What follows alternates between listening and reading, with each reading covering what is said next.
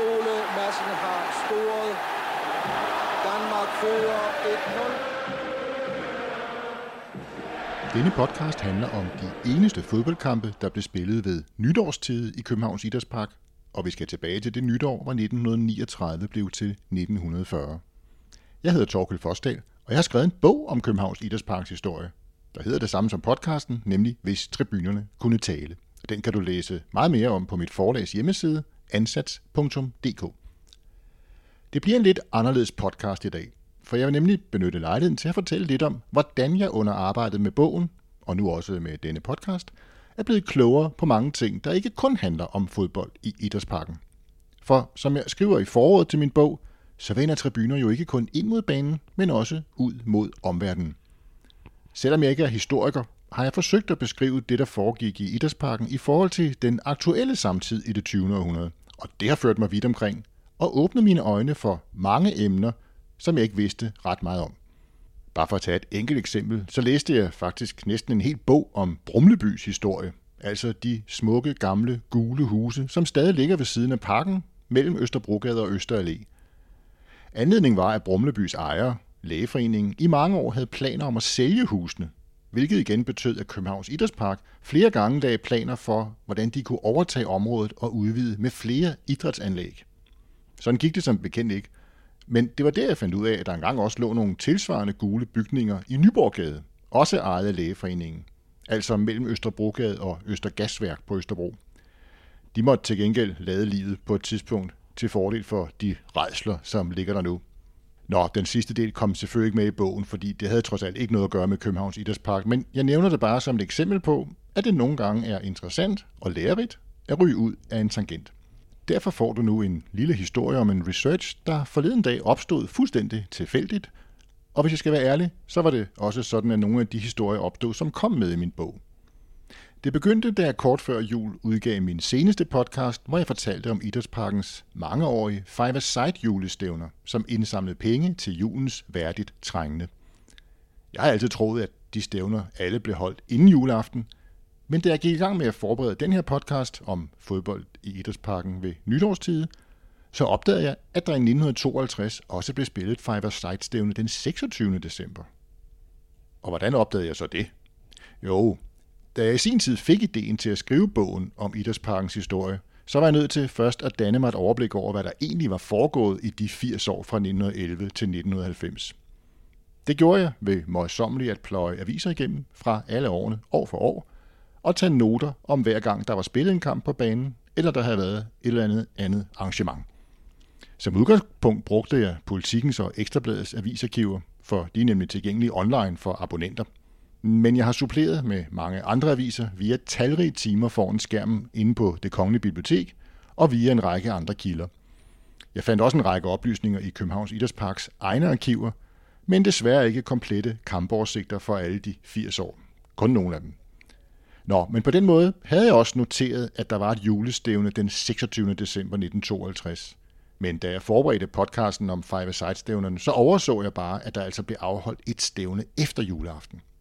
Det lyder måske som en uvæsentlig detalje, men når alle stævnerne blev holdt før juleaften ellers, så er jeg typen, der bliver nysgerrig, når jeg opdager, at der er afholdt et enkelt stævne efter juleaften.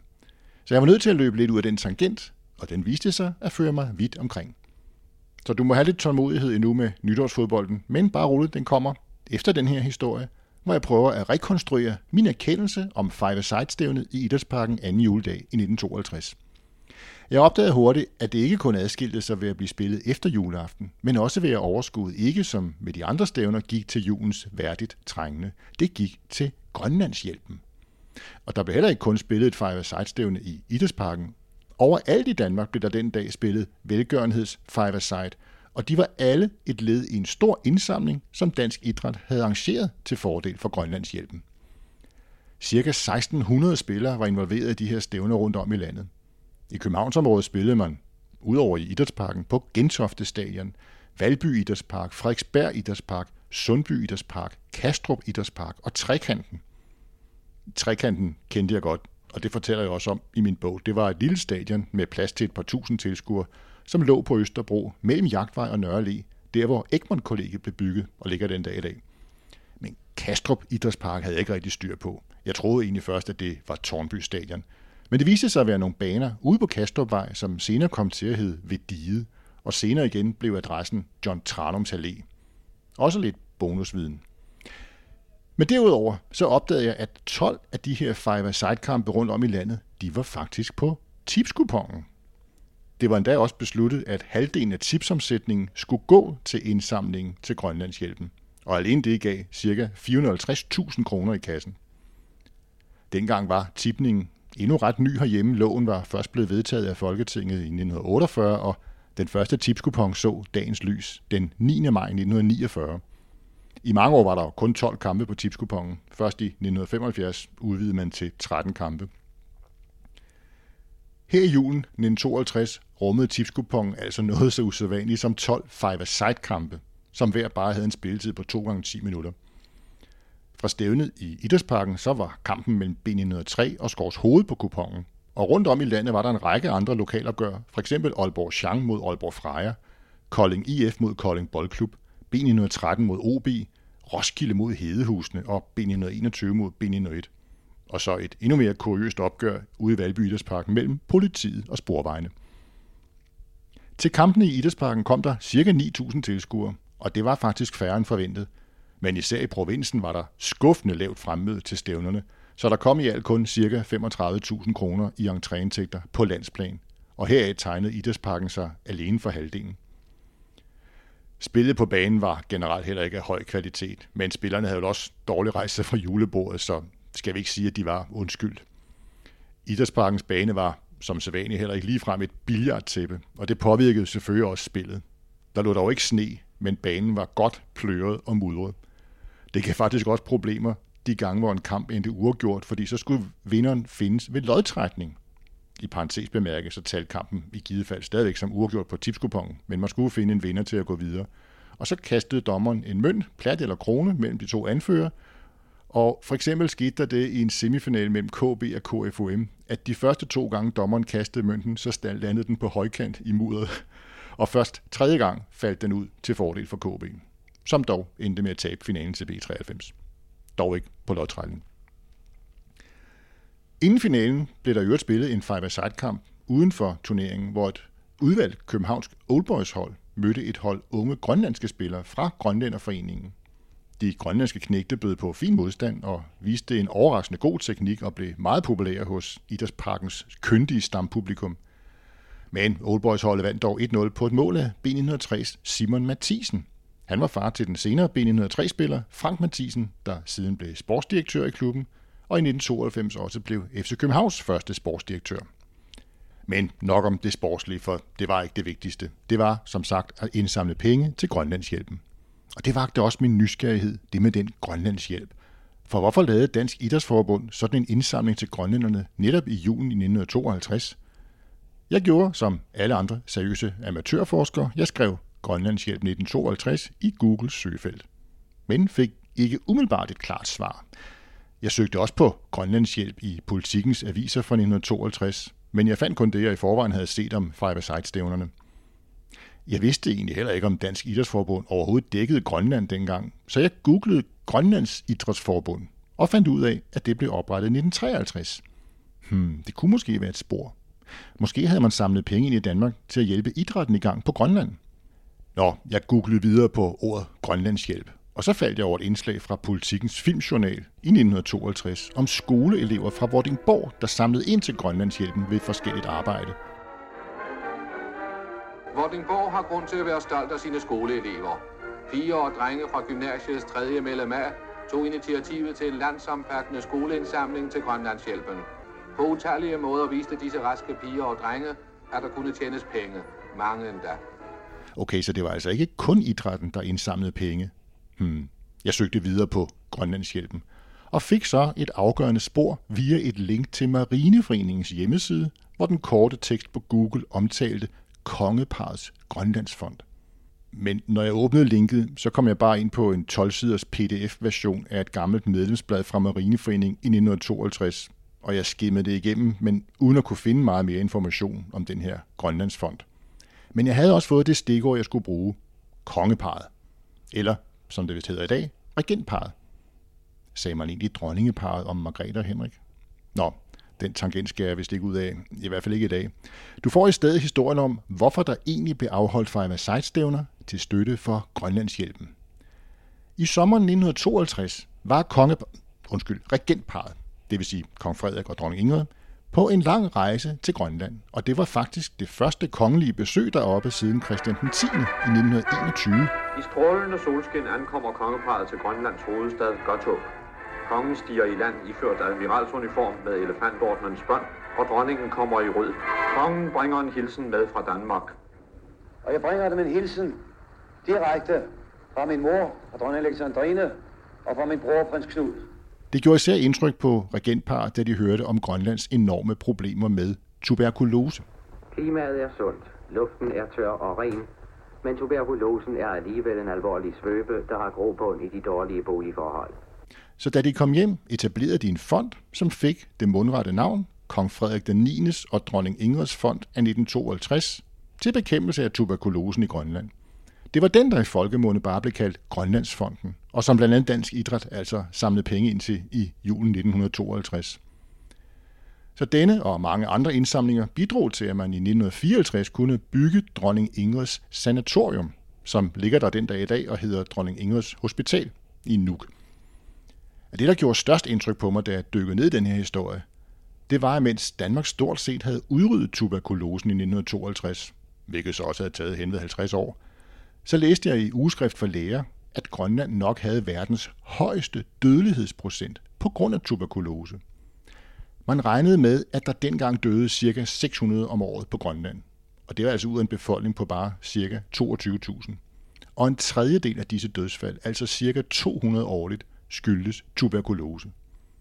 Til sammenligning så døde der i Danmark 5-600 årligt af tuberkulose, men det var altså ud af en befolkning på mellem 4 og 4,5 millioner dengang. Så den grønlandske dødelighedsprocent, den var jo voldsomt meget højere. Men jeg læste også, at Danmark længe havde været langt fremme i bekæmpelsen af tuberkulose, og at Statens Serum Institut i efterkrigstiden var blandt de førende producenter af vaccine. Danmark hjalp faktisk en række af de krigshavede nationer i Europa, og endda også så langt ude i verden som i Indien, hvor man havde store projekter, hvor man byggede sanatorier og lavede vaccinationsprogrammer.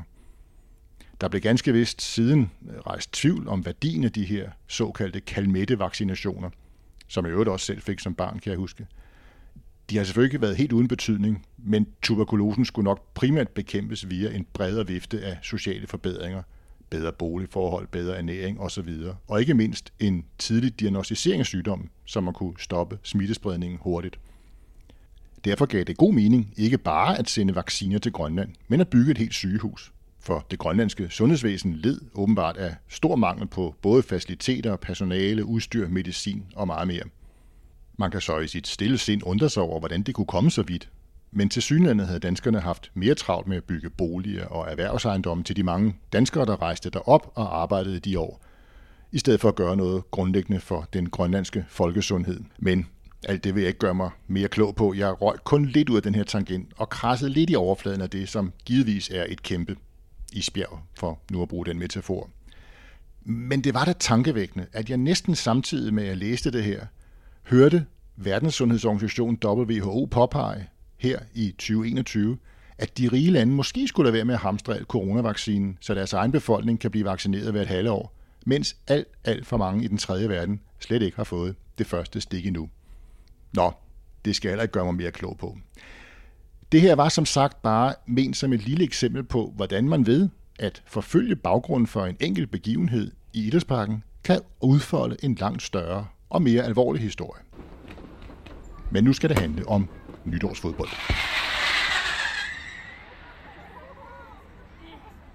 Ved nytåret, hvor 1939 blev til 1940, blev der spillet to kampe i Idrætsparken, og det er de eneste gange, hvor der er spillet så tæt på nytår. Søndag den 31. december 1939 spillede stævnet 4-4 mod pressens hold, og søndag den 7. januar 1940 vandt et udvalgt KBU-hold med 3-2 over et udvalgt hold fra Dansk Arbejderidræt. Begge kampe samlede penge ind til den såkaldte Finlands indsamling. Og mens det altså tog mig lidt tid at finde ud af, hvad Grønlandshjælpen var i 1952, så var det desværre ikke svært at finde baggrunden for Finlands indsamlingen. En måned Tidligere, den 30. november 1939, blev Finland angrebet af Sovjetunionen i det, der siden blev kaldt Vinterkrigen. Vårt broderland kæmper i detta nu, ej blot for sin egen frihed, utan även för Nordens, ja för hela västerlandets sak. Trots den enorma övermakten har de finska soldaterna under övermänsklig ansträngning kunnat hålla fronten. Hjälpen måste komma nu. Derfor forsøgte Danmark og Norge og Sverige at hjælpe vores nordiske venner på forskellige vis, og en af aktiviteterne var altså at samle penge ind via disse to velgørenhedskampe i Idrætsparken. Nytårsdag var det som sagt stævne mod pressens hold, og når jeg læser Ekstrabladets optakt til kampen, så mærker jeg lidt af historiens berømte vingesus. Prøv at høre her, hvad de skrev. Fodboldkampen i morgen på Idrætsparkens bane til fordel for danske idrætsmænds Finlands indsamling vil sikkert blive erindret længe, både for sit formål og for de usædvanlige forhold, den antageligt bliver spillet under. Den vil, så frem den afgøres, få en særplads i boldsportens årbøger, fordi der ingen sinde i dansk fodboldshistorie er spillet en så vinterpræget kamp. Ja, den særplads i boldsportens årbøger, den yder jeg nu mit lille bidrag til her 82 år senere.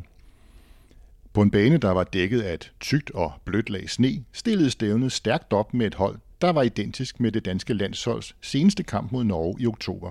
Eller rettere skulle have været, for AB's Svend Albrechtsen og B903's Alex Friedmann sendte sent afbud.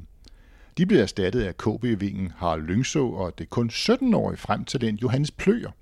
Begge havde deres landsholdsdebut til gode, men fik den i 1940.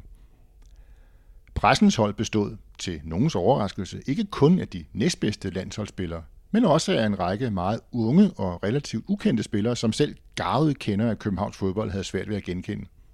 Der var dog kendte ansigter som Fremad Amars Oscar Theisen, der allerede havde fået sin landsholdsdebut tidligere på året.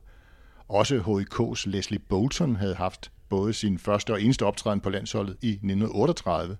Der blev han HIK's første landsholdsspiller. Det var i de gode gamle dage, hvor HIK havde deres eneste fire sæsoner i landets bedste fodboldrække øvrigt. Der var også en anden HK'er på pressens hold, den 21-årige Per Brandmar. Han fik en enkelt landskamp i 1941, men først efter, at han i sommeren 1940 var skiftet fra HK til B93 sammen med sin bror Henning Brandmar. Dengang var det faktisk ikke så almindeligt, at spillerne skiftede klub, men pudsigt nok, så skiftede to af B93-spillerne fra Stævnes nytårshold, Kai Hansen og Helmut Søbirk, de skiftede samtidig til frem. Så det skete altså trods alt. Blandt de mere ukendte navne på pressens hold var der især en, der blev meget kendt.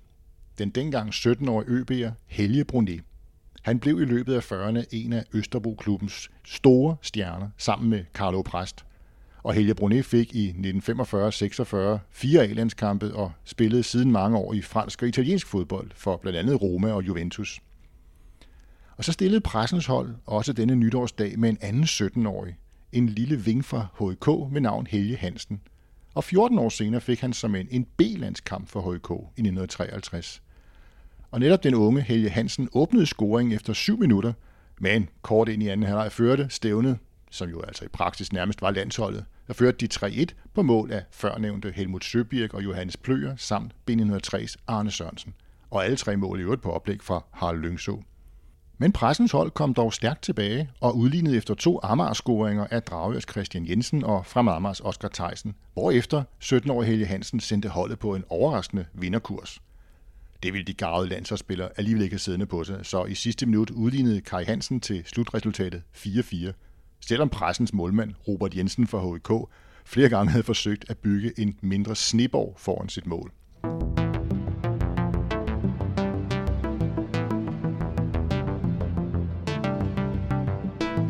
En uge efter, søndag den 7. januar, blev der også spillet findekamp i Idrætsparken, og denne gang mellem et udvalgt hold fra Dansk Arbejderidræt og et udvalgt KBU-hold. KBU-holdet stillede dog ikke med spillere fra de bedste københavnerklubber, men primært spillere fra A- og B-rækkens klubber, det vil sige klubber som Vandløse, Brøndshøj, FB, Victoria, Ydon, Hellas og Union. Der kom kun 1.175 tilskuere. Men på den stadig sniklædte bane fik de en ganske underholdende kamp, som KBU-holdet vandt 3-2, efter at DRI-holdet ellers havde været foran 2-0 på to mål af Olof Baldersen, der spillede i en DRI-klub ved navn Kammeraterne. Men KBU-holdets William Wilhelmsen fra Valby blev også dobbelt målscorer, og FB's centerforward Viggo Jensen kom også på tavlen. De to kampe indbragte i alt ca. 6.500 kroner til det finske folk. Og selvom det ikke lyder af meget, så havde det måske også en stor symbolsbetydning, i hvert fald i den finske fodboldverden. Inden nytårskampen mellem stævnet og pressens hold, fik B3-lederen Henrik Larsen nemlig et brev med en hilsen fra to finske landsholdsspillere, Armas Py og Holger Grandstrøm. De havde lært Henrik Hansen at kende i forbindelse med landsholdets tidligere besøg i København, hvor Henrik Larsen var en slags ressourceperson fra DBU, som hjalp de finske gæster til rette. Finland havde senest spillet i Idrætsparken i september 1939 og tabt hele 1-8. Men Holger Grandstrøm scorede det finske trøstmål ved stillingen 0-5. Py og Grandstrøm var blot to af mange, som nu forsvarede det finske folk under Østfrontens ekstreme kuldegrader. Men de fik sendt denne rørende hilsen til deres danske venner. Kære Henry Larsen, hermed sender vi dem en tak for turen til København i sommer. Vi tænker begge to på den vidunderlige tid og håber, at vi endnu en gang skal træffe dem og deres fine spillere. Vi har læst om den store sympati hos vores danske fodboldkammerater og den hjælp, de forsøger at give os. Og vi skal gøre vort aller yderste for at vise jer, at hjælpen ikke skal være forgæves. Vi sender dem de bedste ønsker om et glædeligt nytår. Venlig hilsen, Armas Py og H. Grandstrøm. Utan vila och Finlands soldater kämpa en ojämn kamp. Lilla armén håller på att ledas ut och frisk avlösning. Grandstrøm faldt under krigen i 1941 i en alder af blot 23 år, mens Armas Py overlevede både vinterkrigen og 2. verdenskrig og levede helt til 1996. Jo, dette nytår var kulden for alvor ved at sænke sig over Europa, og også i mere end en forstand. Mens københavnerne spillede snebold i Idrætsparken, så faldt der nemlig for første gang i 95 år sne i Rom på nytårsaftensdag.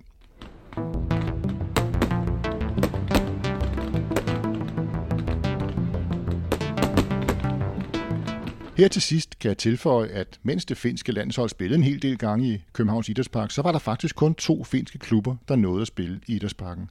Og begge gange ufrivilligt. Altså i den forstand, at der var tale om europæiske klubkampe, der som bekendt bliver sammensat ved lodtrækning.